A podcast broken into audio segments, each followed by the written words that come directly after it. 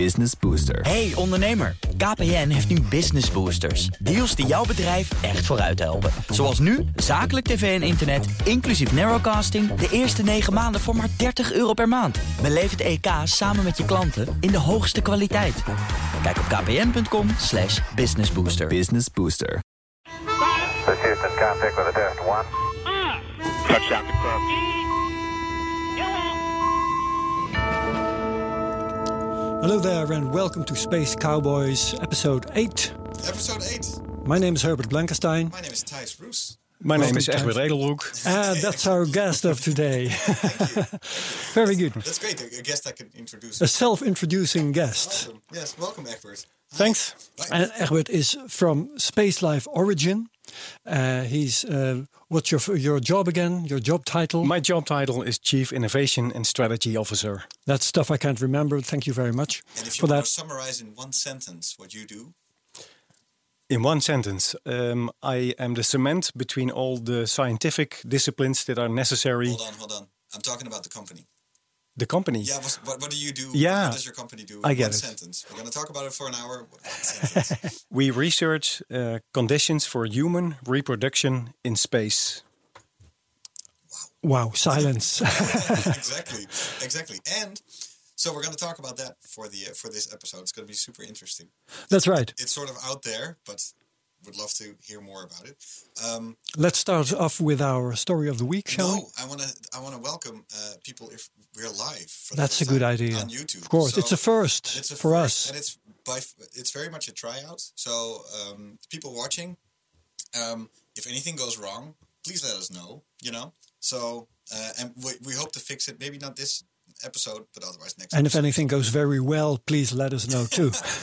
Thank you. That's that's a very good point. Yeah.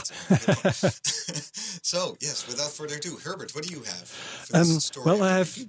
two, maybe one and a half story of the week. My my story, my my real story of the week, is about uh, a Dutch scientist who has given us a method to find life out there in space. Okay. And works like this. Um, if you do chemistry, you may have uh, molecules that have a certain makeup. Um, and in some cases, these molecules uh, can uh, occur in two forms, which are each other's mirror image. Okay. All right. And Every molecule has its own mirror image. well, uh, of course, uh, they have, yes. but uh, sometimes the, these mirror images are identical. But in some cases, with carbon, for instance, uh, carbon can have a certain uh, pyramid-like structure. Pyramid-like, yeah. Yeah, and um, if uh, uh, each edge of these py- pyramids has a different atom attached to it, you can have these mirror images, Yeah, yeah. which are different, uh, which you can't rotate in any way that uh, one is identical to the other. Okay. Okay. So, so some, so sometimes they're identical and sometimes they're not identical. Yep. Okay. Yeah. um, life has complicated molecules, and these uh, non identical mirror images occur in living tissues and living beings. And they have a peculiar property if you shine light on them, on these non identical mirror images, um, the light uh, gets changed in a certain way. And uh, if if you shine just regular light on it, you can get back light that is uh, now comes a difficult scientific term, uh, circularly polarized. Circularly. Yes. it's difficult in English in Okay. Dutch, yes. Im- imagine. Wait, wait, wait for it. Imagine uh, a rope. Uh, you can make waves in a rope, like vertical waves that go up and down. The same rope you can uh, swing in a different way, and you get uh, horizontal. Hang on, you get horizontal waves. Yeah. Same way in light, you can have vertically polarized uh, light, horizontally polar- polarized light. But if you start moving your rope in circles, you get circular waves in the rope. The same way you can have circularly polarized light. Aha. So Okay. in, a in a corkscrew. shape. Yeah.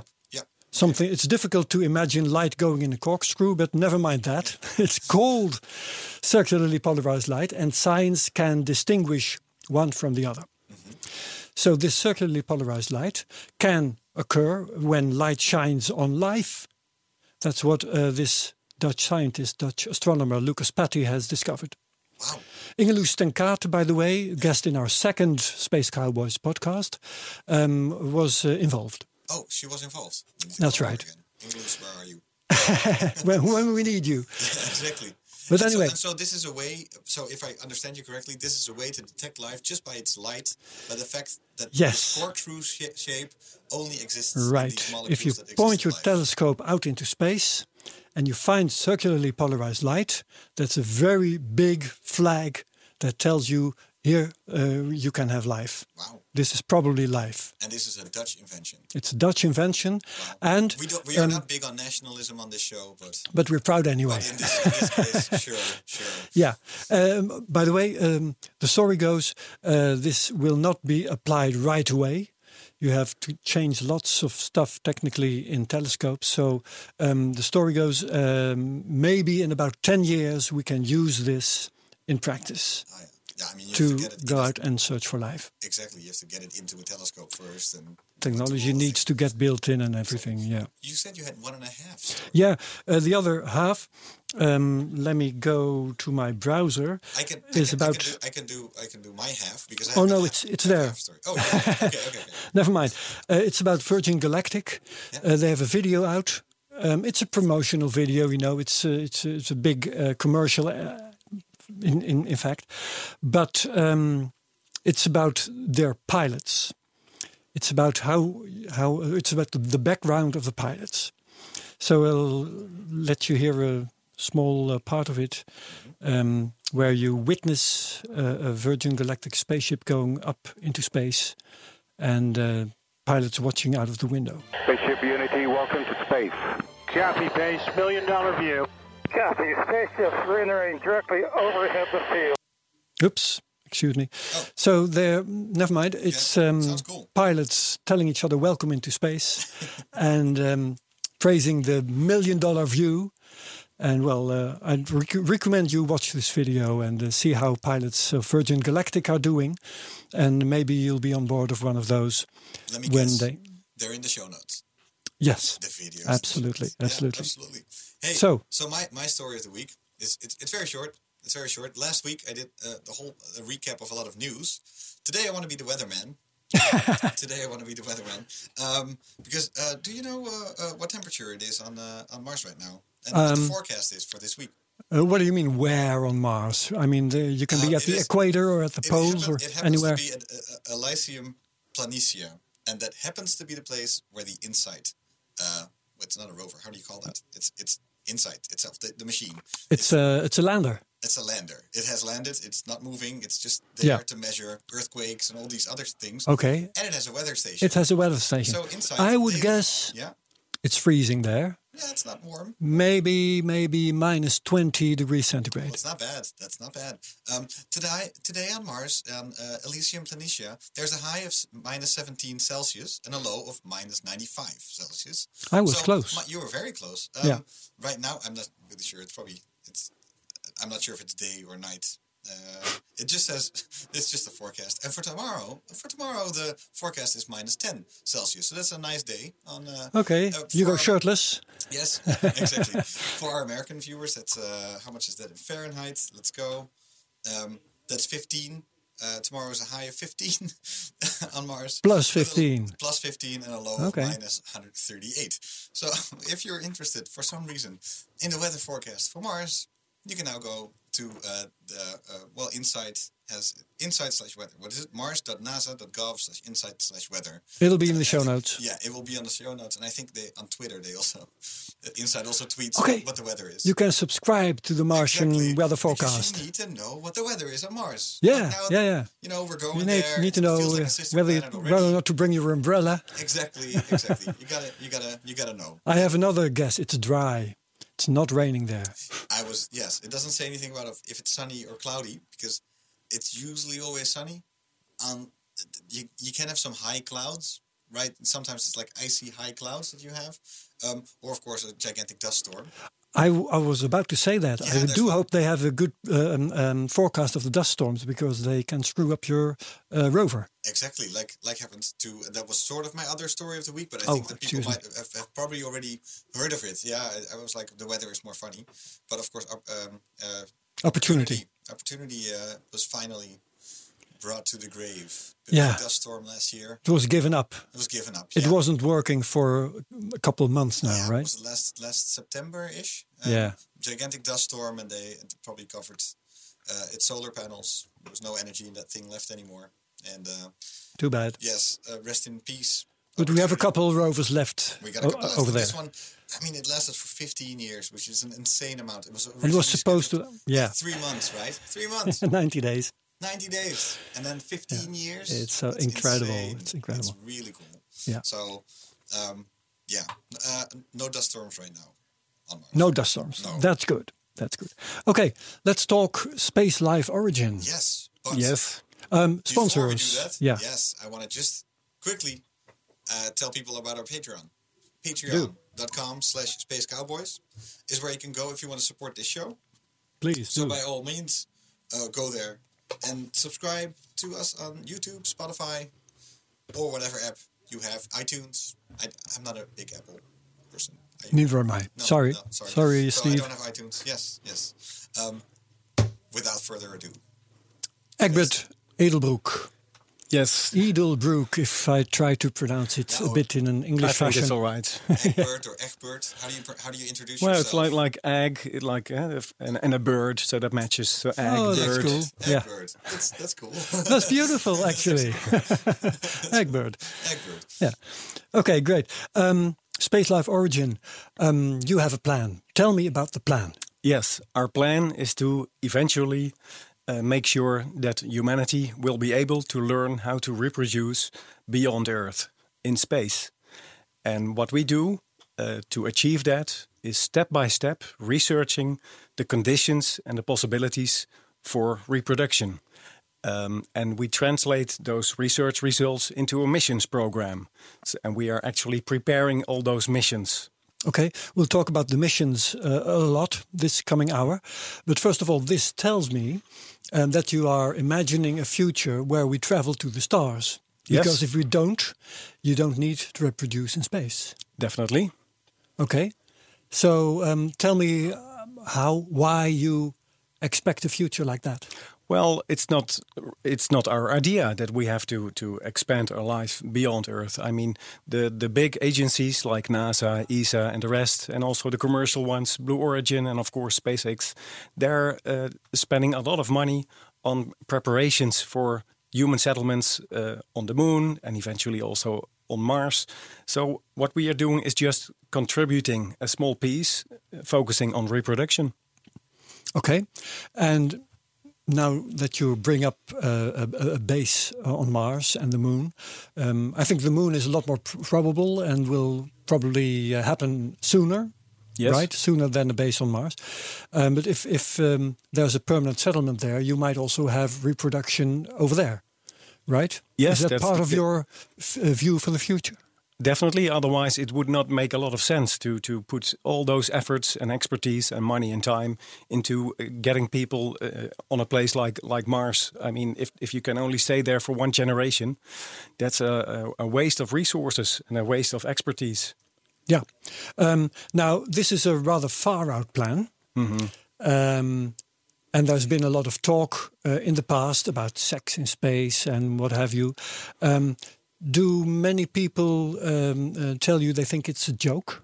Um, we we have heard a few uh, people, and we've also uh, heard um, media agencies that that that were not sure if we were really serious. Yeah, April Fool and all that. Yeah, yeah, a few. Yes. Yeah. And does that bother you?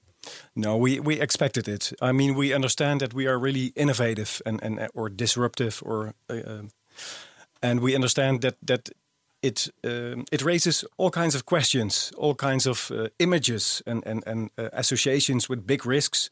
So people who are not really into into the matter, they they might they have worries, legitimate worries, and sometimes not so legitimate worries, and they can hard, some people can hardly imagine that uh, science is already uh, working on these subjects as we are.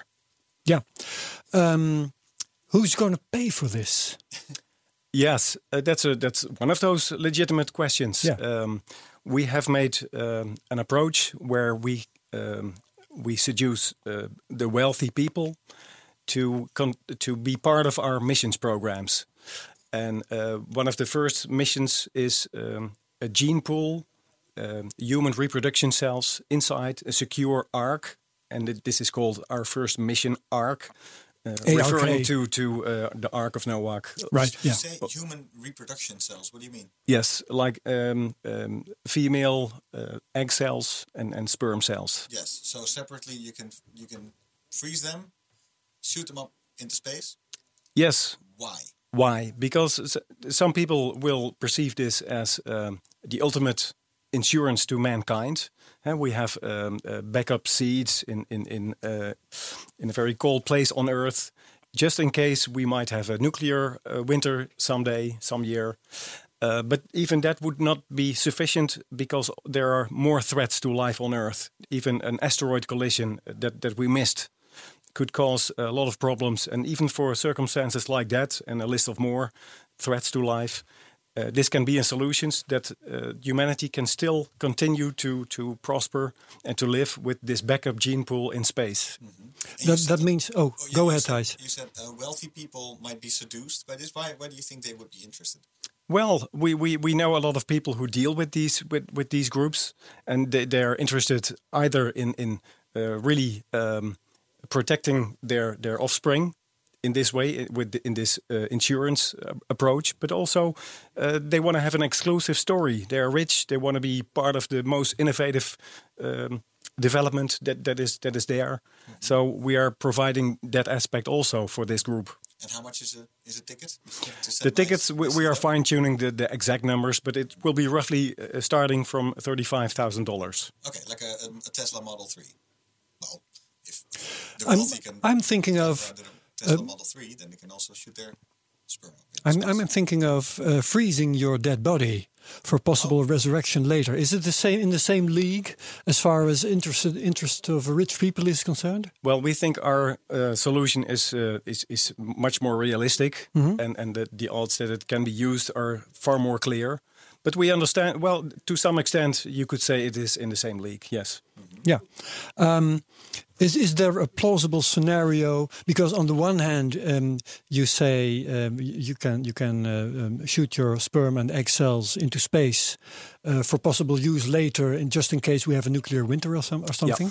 Um, is there a plausible scenario that um, stuff on Earth gets screwed up very badly? So you you're happy your sperm is up there to uh, to uh, for, for you to use later on, um, and in uh, also that you can uh, you, you you still have the technology the possibility to go out and retrieve it Of because course. that presupposes that something is still working down on earth Uh, well, that that is one scenario, but we also um, uh, take into account that there can be scenarios where life on Earth is pretty much destroyed, or at least the equipment and, and, and the expertise is, is not available anymore to, to retrieve. but this- this somebody arc. should be left to uh, go up and use uh, those um, um, uh, orbiting sperm cells Yes, and by the time that that uh, these events could happen, um, we expect that there will be permanent uh, human settlements, for example, on the moon, as you Oh, referred see. to uh, earlier. And and if you, you want a certain diversity to, you don't want inbreed, so you need a, a, a large backup pool with with with uh, human genes. yeah okay May, may I ask, how long um, do they stay viable uh, up there? How, Um, in in the first uh, the first arc, um, it, it will be about twenty years. 20 years. So, so when would you be able to be operational, you think? Within 10? We think within one and a half years. Whoa. Okay. Well, that's quick. So, basically, for 20 years, you can store your Your offspring, your, your offspring, your, your, your genetics. Your, yeah, yeah, your genetics. Um, and uh, th- but you would have to refresh it then at a certain point. Yes. So it's it's only it's on, it can only stay there until uh, 20 years after you're dead. That, that is our first mission. Mm-hmm. And of course, we want to benefit from all the ongoing technological developments, the ongoing uh, lowering costs in the space, uh, the new space uh, environment.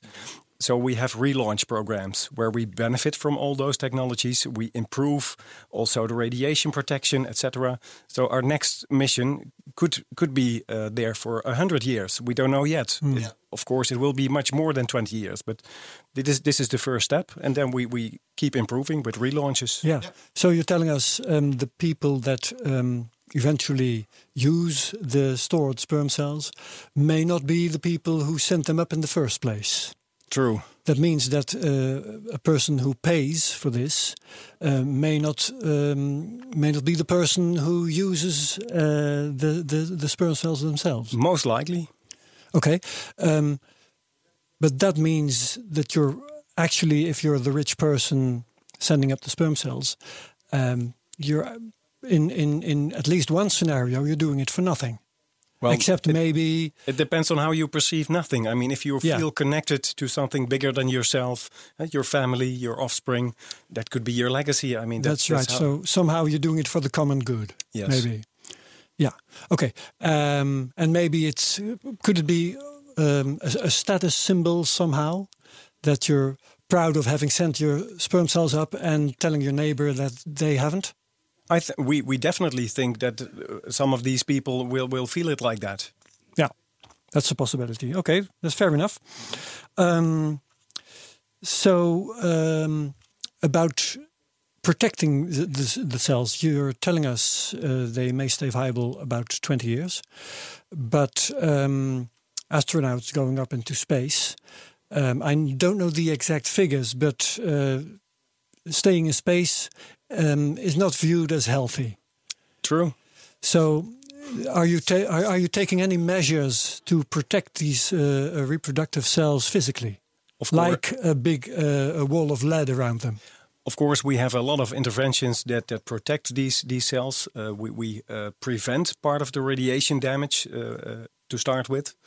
Uh, we we use uh, cell treatments uh, with a research institute that is helping us, and these cell treatments they enhance the natural radiation resistance, and also the natural DNA repair mechanisms. On top of that, we use uh, shielding material, as you suggested, of course, and we have se- carefully selected uh, an orbit around Earth where the radiation is is uh, well low enough that that all these me- measures together can work. I see. So, how, how high up is that?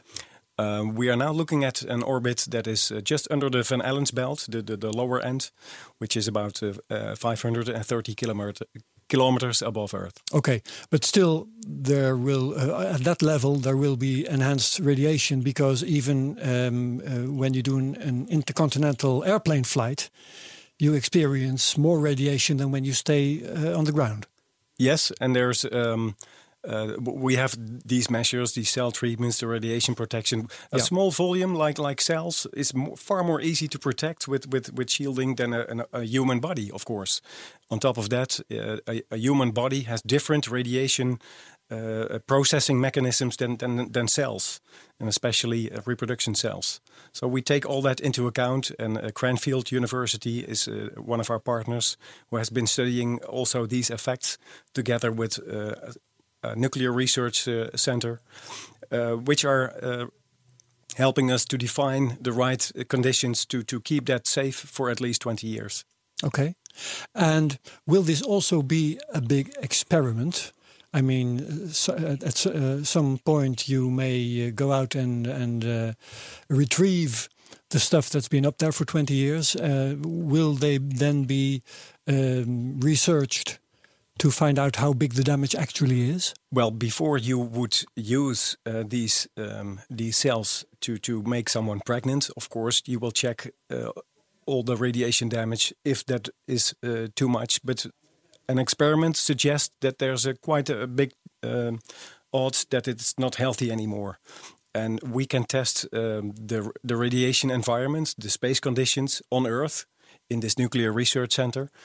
Um, so we, we the experiments will be done on Earth, and when they are finished, when when we uh, know that it is uh, safe and it, it, it, works, then we will start using the commercial um, uh, cells from our customers.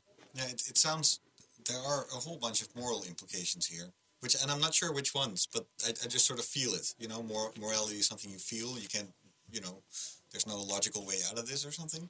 But it's more that so you, Well, like how can we're we, su- can you be sure that um, if you fertilize uh, an egg that's been in, in space, Yeah, or you you use know. sperm that's been into space for fertilization, Yeah, how do you know that the baby that comes out of that will that be healthy? or, or that the pregnancy will be a, a positive experience, All- and all- not something that's that's going to be really terrible for the for the woman. all legitimate uh, questions Yeah. which are addressed by uh, a large group of uh, experts on all these fields that we that we use and we also look at the, What did the experts say?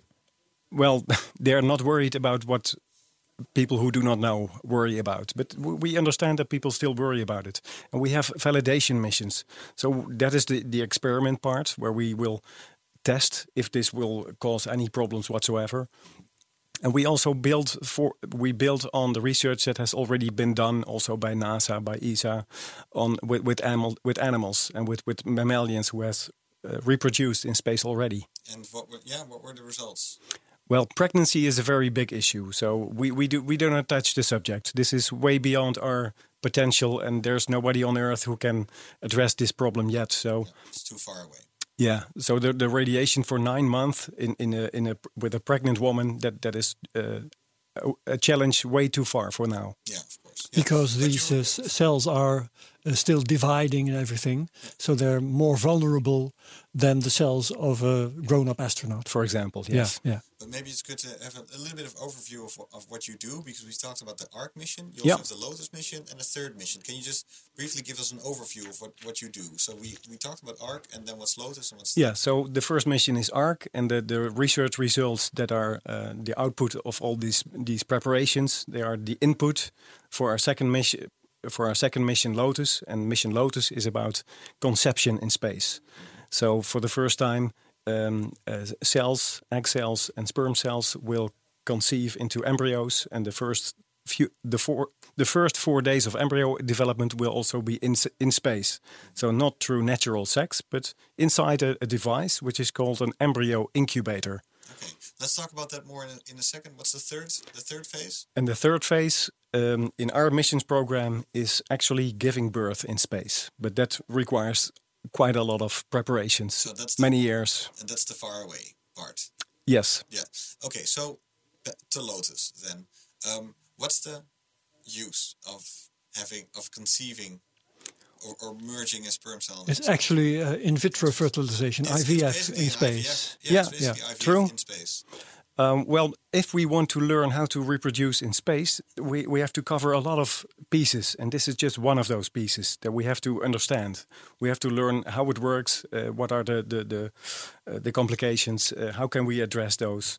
Um, one of the um, outcomes of these missions is, for example, we can learn if we can reproduce on Mars in terms of gravity. Gravity is next to radiation a very big issue in space, and we want to learn if um, the gravity level on Mars, which is only the like lack thereof, the lack the lack of gravity. Yeah. well, Yeah, in, microgravity. yeah. yeah, in in in in in space. Um, well, on on the surface of of Mars, we hope. Uh, NASA hopes, Elon Musk hopes that we can reproduce there. So that means that embryo development um, with, within an environment where there is only like 38, 39% of the gravity level as we know it here on Earth, we're not sure if that's going to be enough. And inside our Yeah. embryo incubator, we can uh, simulate this exact gravity level and we can study on. the embryos and if they develop in a healthy way. So, um, in this uh, conception in space experiment, or call it an experiment, mission, exper- a mission, whatever, um, you will be um, fertilizing eggs um, in um, Under normal gravity initially. gravity conditions, normal gravity conditions. Well, we want to be absolutely su- uh, uh, sure for the first mission, but if that if there are no problems with that with the outcome of that mission, we want to learn if we can reproduce on Mars with Okay. adjusted gravity levels. Okay, so in the first certain number of cases, you will simulate 1G Yes. Earth uh, gravity. And if that is successful, you are going to try lower levels of uh, gravity. Yes. Ah, that's interesting. Okay, now um, we've talked about your target audience for storing sperm in space and, and uh, egg cells. So, who's your target audience for con- conception in space? Um, also, the the partly the same target group, people who who, who can afford to to uh, to pay the Rich costs. and eccentric.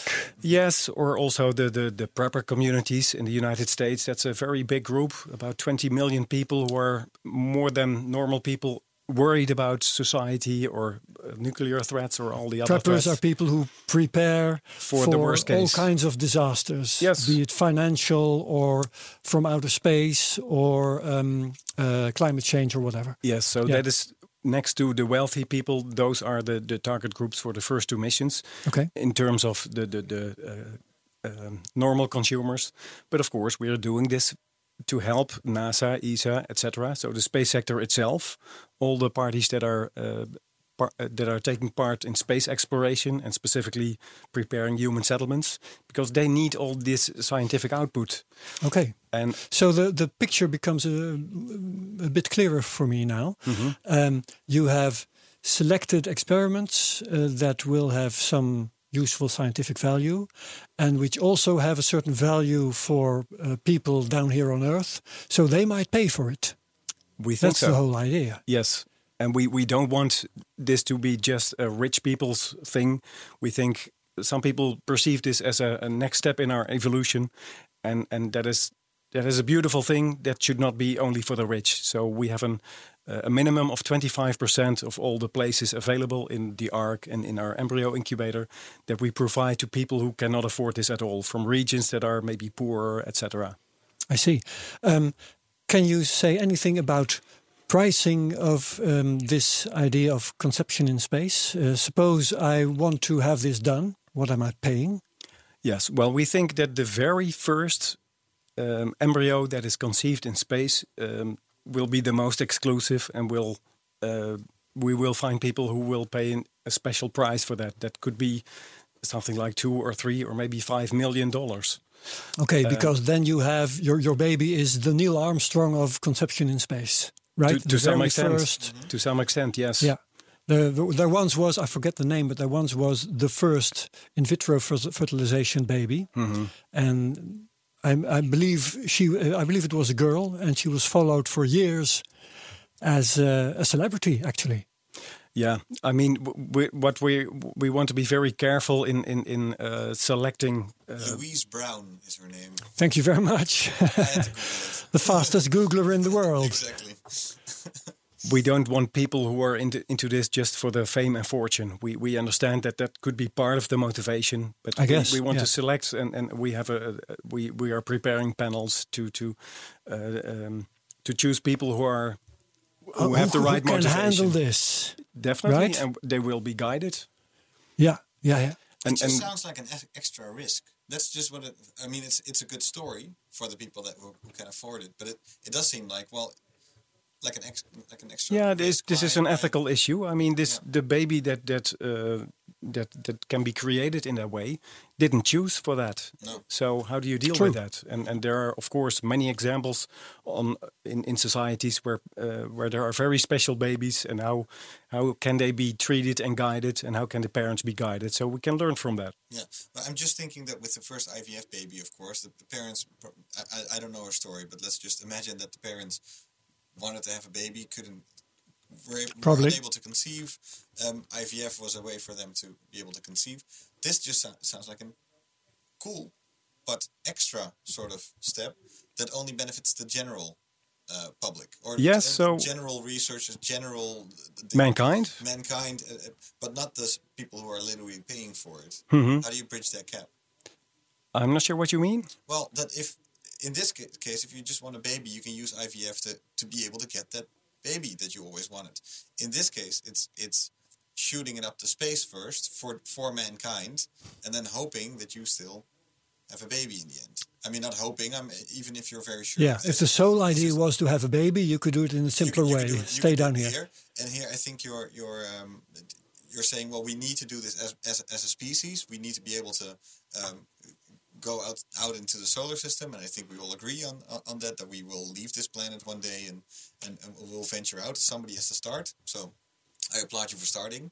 But the incentive for the people actually paying is is maybe adding extra layer of risk to to it. Well, we are not worried that there will be people very much interested in, in being part of those this very first group, Mm-hmm. and we think that they will accept this extra risk. And well, if you can afford something like this, uh, a, price tag like like this, you probably have learned how to to uh, be away from the, the media, and we will help in that in that uh, phase at, uh, also. Yeah, I'm just thinking about the second and the third and the fourth person who wanna wanna be in the Lotus program. So it's it's it's good for them, but then eventually you the, the uh, by the way, you're you're funding Lotus with the money you make from ARC, right? So first Partly. ARC, yeah, partly, and then you try to build up towards this third. Yes, and that there is, I think that that can be interesting as well because there's another target group for our Lotus mission, which is the space tourism sector. Because many people who are really into this sector, they they they are worried that it will attract couples who can uh, pay a lot of money to spend one or two weeks in space, and that there will be couples who will try to, well, to cause conception in a natural way. Have sex. You Yes. We are a Yes. family-friendly show, but we can talk about sex. Great. So, um, th- it's it's funny because the whole the whole issue with sex in space is there was once this couple. Uh, that, do you know the story, Herbert? A couple of Russian astronauts. Russian astronauts. They were a Boy and married girl. couple. Yeah, Yeah, and uh, went up to Mir, or they went up to the space station. I, I forgot. And I think it's probably been Mir, but I'm, I'm yeah, not sure. yeah. Yeah. And for, officially, sex has never happened in space, um, and it's uh, to this day, which is kind of strange, of course. By the way, it, I mean it would be amazing. I would assume, you know, it would be like yeah. really You'll interesting sex. you would be part of the 500 mile high club, right? exactly, exactly. A whole new, a whole new club. So it's amazing that that hasn't happened. Uh, uh, are you now telling us that you are going to maybe provide for?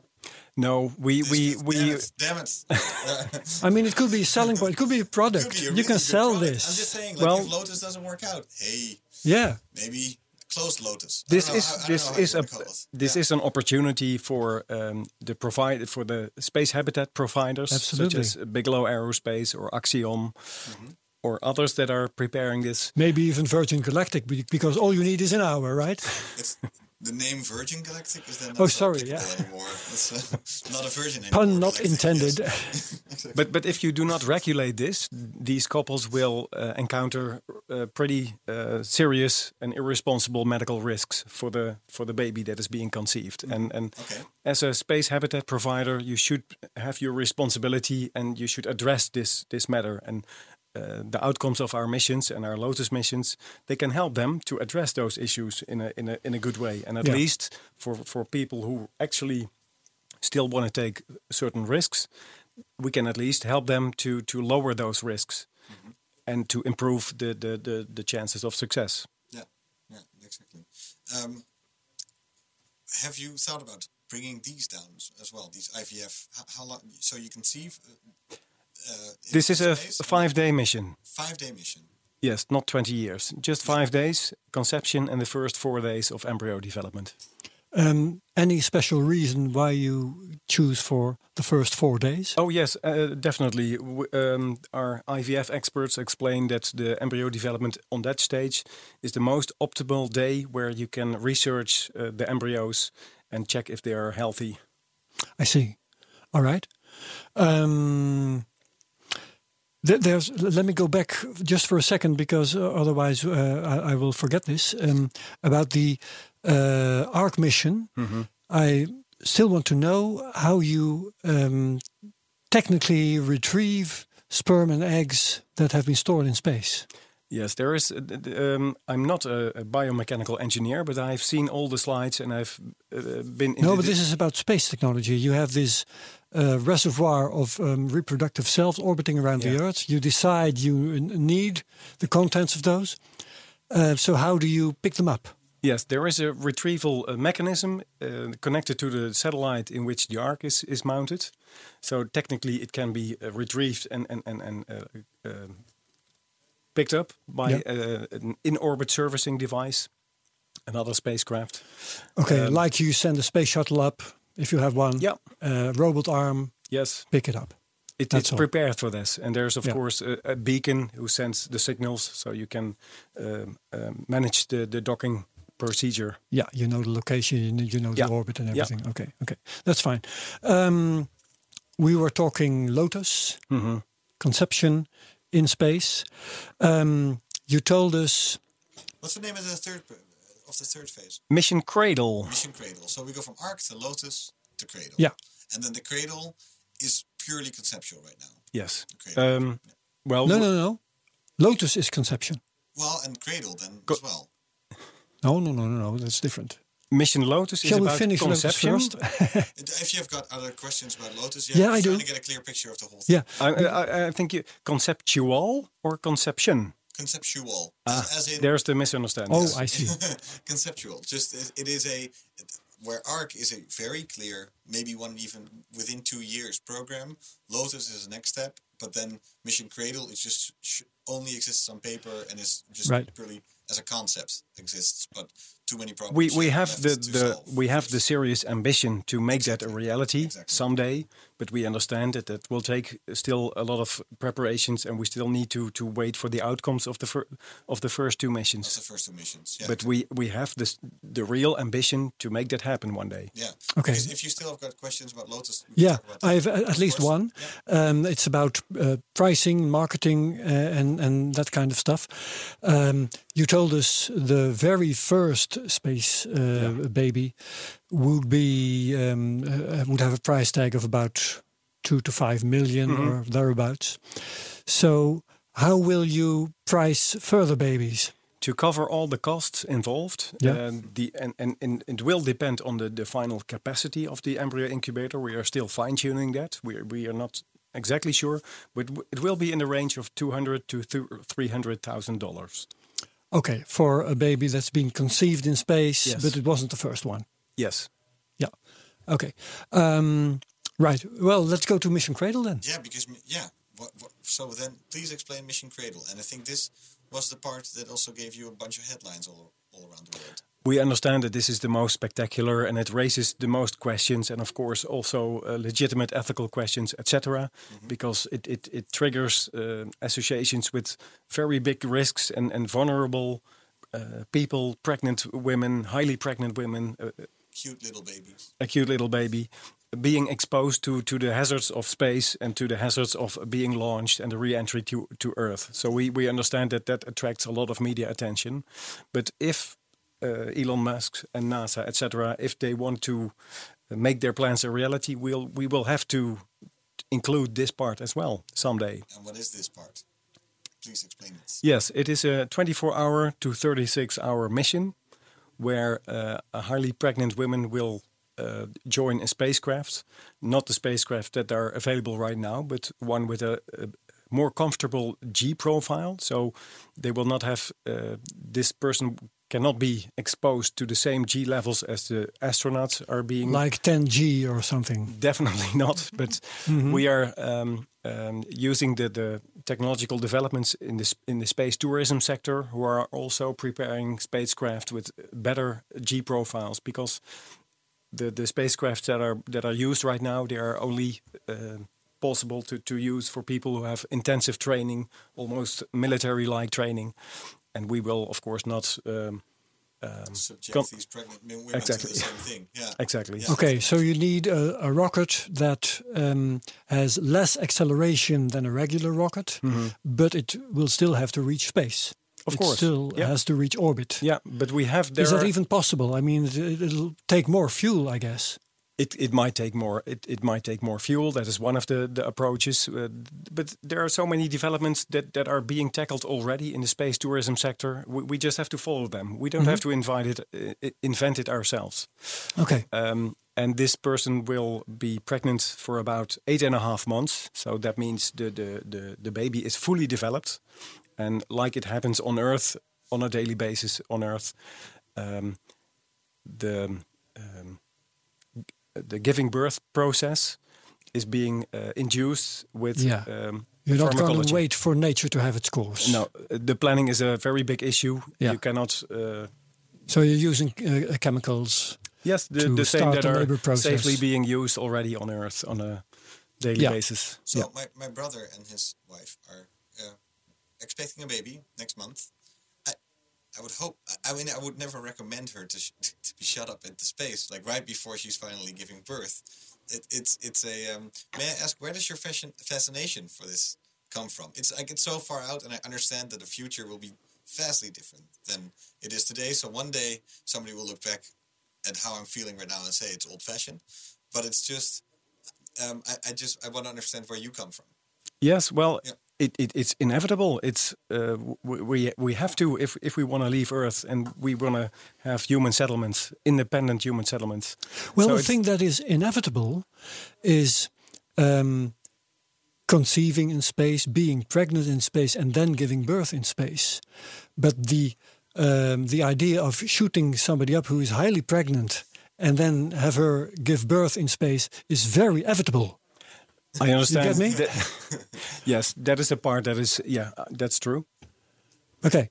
So it has to be it has to be a lady who who has so much heart for for science and exploration and advancing humankind, and rich. It sounds like you uh, see a lot of uh, risks that are being addressed in our approach, and of course, that is what 99.9% of the people uh, worry about. And this this can only happen if those risks are addressed properly, uh, where it it it um, results in a risk level that is comparable to giving birth on Earth, in a, uh, uh, to Western standards. Yeah. So that is our, our our goal. If it's not possible in that way, it's not going to happen. Of course, that would be very unethical. Maybe an analogy would be uh, like a, a train 150 years ago.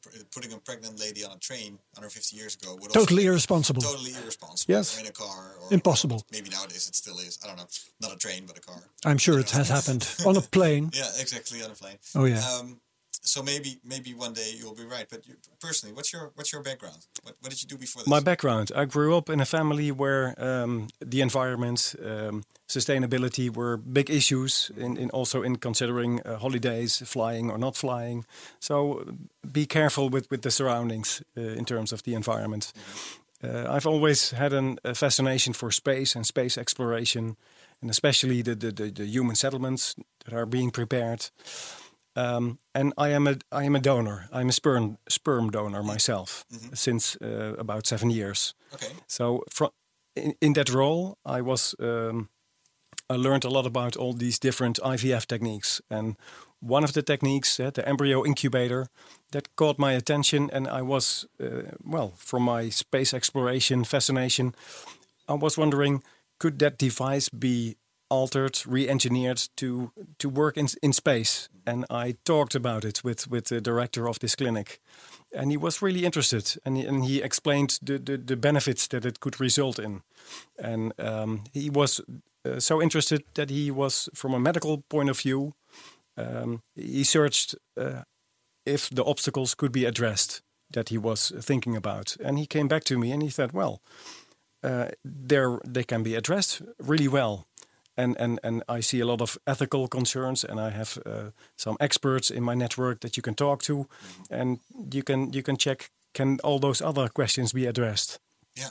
And then I went to space technological experts and and checked um, the the the the techno the, the techno sorry the technological aspects, and that's how it started growing and growing, and th- there became more and more people who gave. Uh, really important arguments why humanity would, would need something like this. So that's where it started. Yeah.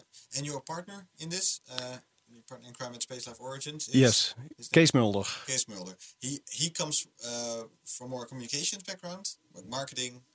Uh, Yes. Marketing and business background, and Yes. you come more from a medical, I have a more scientific background. scientific background. Yes. Yeah. Okay. So now I get the I get the whole picture. Okay. Yeah. Um, when it comes to ARC, you have about one and a half years, two years left. Yes.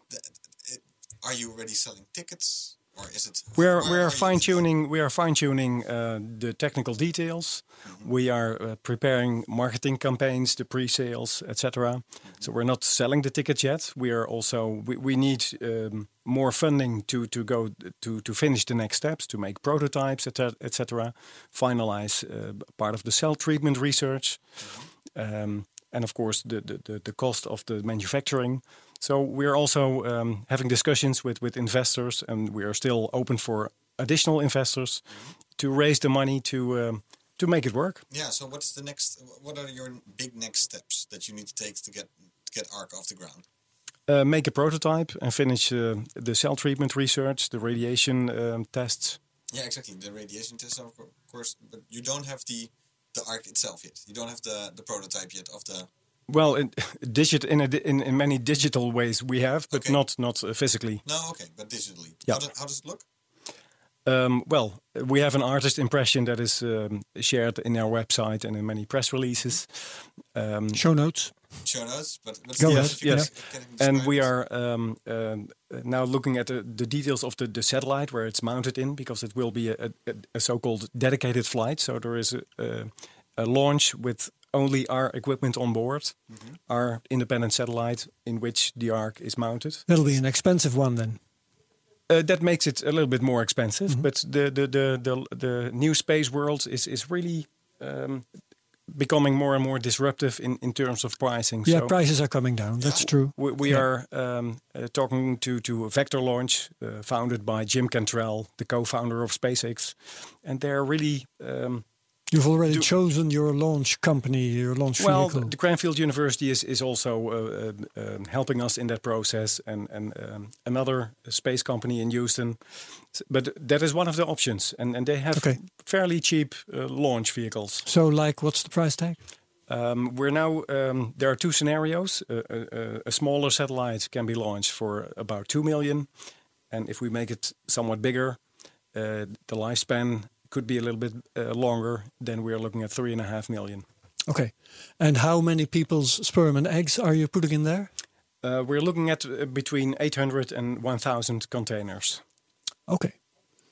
Right. Times what is the price tag of uh, uh, sending your stuff up? thirty-five thousand. Yes. Thirty-five thousand.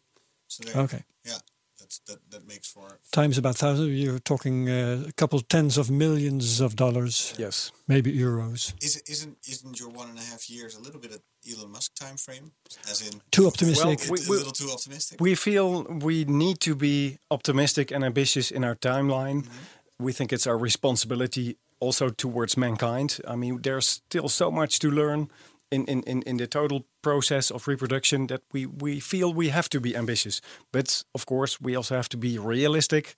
So we do take into account that it might be a little bit later. yeah, exactly. What, what what's the minimum you need to sell in order to shoot the first one up? Um, around 600. Six hundred. So that's that's that's doable.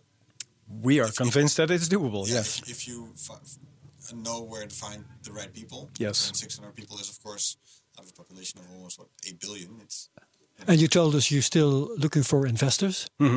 Um, does that mean you still need uh, um, a serious amount of money in order to launch ARC? Well, it's it's a it's a multi-step uh, uh, multi-step process, and if we we, we are looking at at uh, an interesting budget to continue for the next few months, but eventually we, we will need uh, about 12 million, 12 to 15 million. So we do not we do, do not have to, that full amount of money yet. So that's why we're still open Okay. for uh, people with deep pockets. Right. So even though um, launching ARC would make you enough money to pay for the whole mission, you need some money up front in order to make it possible. There are different scenarios, and that is that is one of them. yeah. Right. Uh, what do the official big space agencies say about this? NASA and ESA.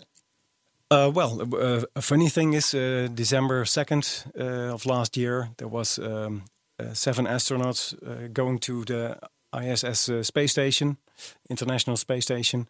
And just before launch, they were interviewed. They had a standard press conference, and that was also used to uh, interview them about our plans. We had a, uh, a press conference in San Francisco on uh, the end of October, so it was picked up in many in many countries, and also by the space uh, agencies. And um, well, after this interview, we assume they have been chatting about it us in space, so that that is interesting for us. But that's maybe not the answer that you're looking for. Um, well, I don't know what. for for example, we we um, what did they say? But there, there's, there's a YouTube uh, video of this um, uh, Yeah. Q&A session, but it's in Russian. oh, it's a Russian. So we're not um, uh, we're not playing the audio here, but we may put the YouTube clip uh, in the show notes so people who maybe people who know Russian can look at this and, uh, decide about what's said there. And there is a, a, a, news article with text that can be easily translated. Google it, Translate, yeah. It, it's it, also in it Russian. It explains what the interview is about and sure. what, how they respond. But I guess but, my question is, why have NASA or ESA not done some, something similar? Yes, we have that uh, uh, firsthand from someone who um, researched human reproduction in space, um, uh, guided by the Na by NASA itself. And Dr. Alexander Layendecker, he's also a speaker on congresses, on on, on uh, space congress, uh, uh, like in, in, in Texas a few months ago, where also Jeff Bezos himself was a speaker. Yeah. And he explained, he, he was sent to us as a kind of a fact checker uh, because he, uh, the, the, especially the space tourism sector, he is part of the International Space Tourism Council, and the head of that council sent him to us to check if this is a joke or is it real, and how serious are we? How how much expertise do we have? Mm -hmm. So we had a few uh, long Skype sessions, and he was really enthusiastic about it, and um, so enthusiastic that we may now call him one of our advisors. Mm -hmm. So we we also received his dissertation, his PhD dissertation on human reproduction in space, and he explained us a lot of uh, reasons why also the big agencies like NASA will not uh, do the, do what we want to do. What do we say? And um, well, one of the, the, the quotes from Alexander is the the politically uh, explosive potential of taxpayer money being spent on sex research in space. Mm-hmm. That is one item. It's controversial. I mean, if you look at the history and, and uh, uh, developments like IVF te- technology, it took a few years before that was accepted and, and eventually embraced by the majority. Yeah. Um, and space is a very PR sensitive business, right? Yes, it is. It is, and, and especially uh, uh, ideas with uh, uh, vulnerable people and sex in space. Yeah, a lot of controver- controversy. So, and, and if you and bad, if you bad publicity about this kind of venture could uh, be bad for budgets. Definitely. I mean, po- um, po- politicians jumping on the wrong bandwagon could ruin your existence yes. if you're NASA. But there yes, might, there might be some moral, some legitimate moral, you know yeah, sure. The, the, well. it, it's taxpayer money, and, and you don't get yeah. you can lose the support from from the public if you are dealing with things that are not accepted by by everybody. Yeah, yeah. I mean, it, it, it's a, a, lot of things you told us today. I mean, sound controversial to me. Like always open to, to, to hearing new ideas, but I can imagine that if you are starting to do this. That's I mean, with all the pioneering and innovation. Exactly, but, but you even, can expect but it. Even, even after 40 years after uh, abortion was legalized in the United States, you still have regular pro- protests, of course, and there's many mm-hmm. countries in the world where this is still uh, not not allowed because the moment you start touching babies or new life, people get really, understandably, uh, well, touchy. So, so, so it's actually yeah. very a very comfortable thing for um, I, th- I, think mainly NASA being an American yeah. organization, not having to touch it, and have some outside organization taking the heat. Rebels. And this is right? exactly one of the outcomes of the of the research that Alexander Layendecker did. Mm-hmm. So he was happy that there was one first pioneering group like us who was doing this. And he explains yeah. that that would be, be the ideal way also for NASA, also for SpaceX. Yeah. In your own view, are you taking a lot of heat? Um, it doesn't feel like that. but I, I, I do personally feel that if you see opportunities to contribute to well the world, um, I think then you, you you have the responsibility to to do that. Yeah, sure. Um, also, the way you have uh, organized it, um, you're also um, uh, preparing to make a shitload of money.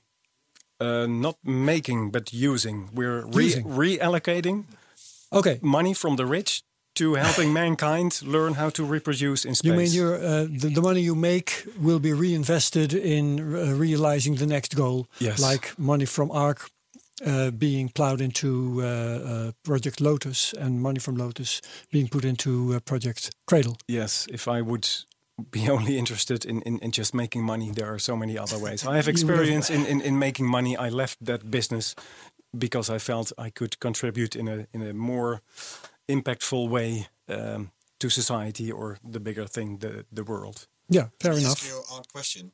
Do you have any competitors? Um, well, I, I, I, almost forgot. Um, no misunderstanding. NASA is working on this, but on a very, very slow level. Mm -hmm. um, so they're they're below the radar. Almost, almost. Yeah. I mean, they present themselves, which we know from um, this researcher who uh, worked for NASA. It's it's watching paint watching paint dry. Mm -hmm. It's it's really small steps, and that's the only pace they can afford to show to the public. I mean, taking very very small steps at once to show that they are working on it, but then everybody can still accept it. But I think they're going to be uh, way too late, mm-hmm. and humanity is going to be way too late if we have to trust those 15,000 scientists and the climate change experts and Elon Musk's and uh, sorry Stephen Hawking. They're quite credible parties, I believe, and they're really worried that even that already just climate change will cause really big problems in around 100 years. So we might already be too late. Yeah. Yeah. All right. Well, and with that, we'll see. We'll see. Uh, one and a half years, I think, is a little optimistic, but maybe let's let's talk again in one and a half years. let's, let's do that. I hope we still exactly. have a Space Cowboys podcast then. Oh, of course, of course. I guess we will. um, okay, if you like what we do, you can go to patreon.com slash space cowboys and fork over some money. We'd love that. Yeah. Thank you very much.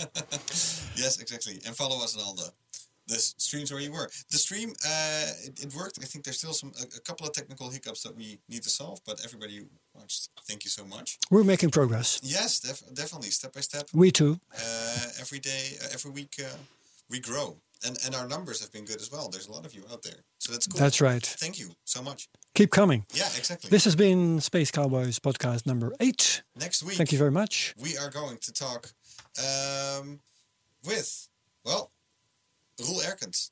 Yeah. Roel Erkens from uh, from T minus. That's a Dutch rocket company. A Dutch rocket company. Yes, they're based in company. Delft.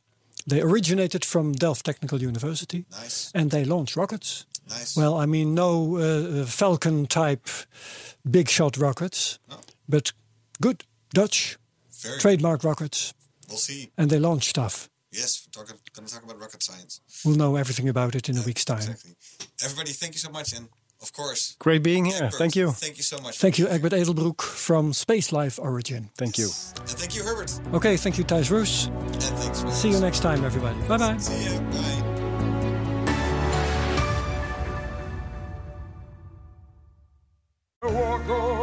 Hardlopen, dat is goed voor je. En Nationale Nederlanden helpt je daar graag bij. Bijvoorbeeld met onze digitale NN Running Coach... die antwoord geeft op al je hardloopvragen. Dus, kom ook in beweging. Onze support heb je. Kijk op nn.nl slash hardlopen.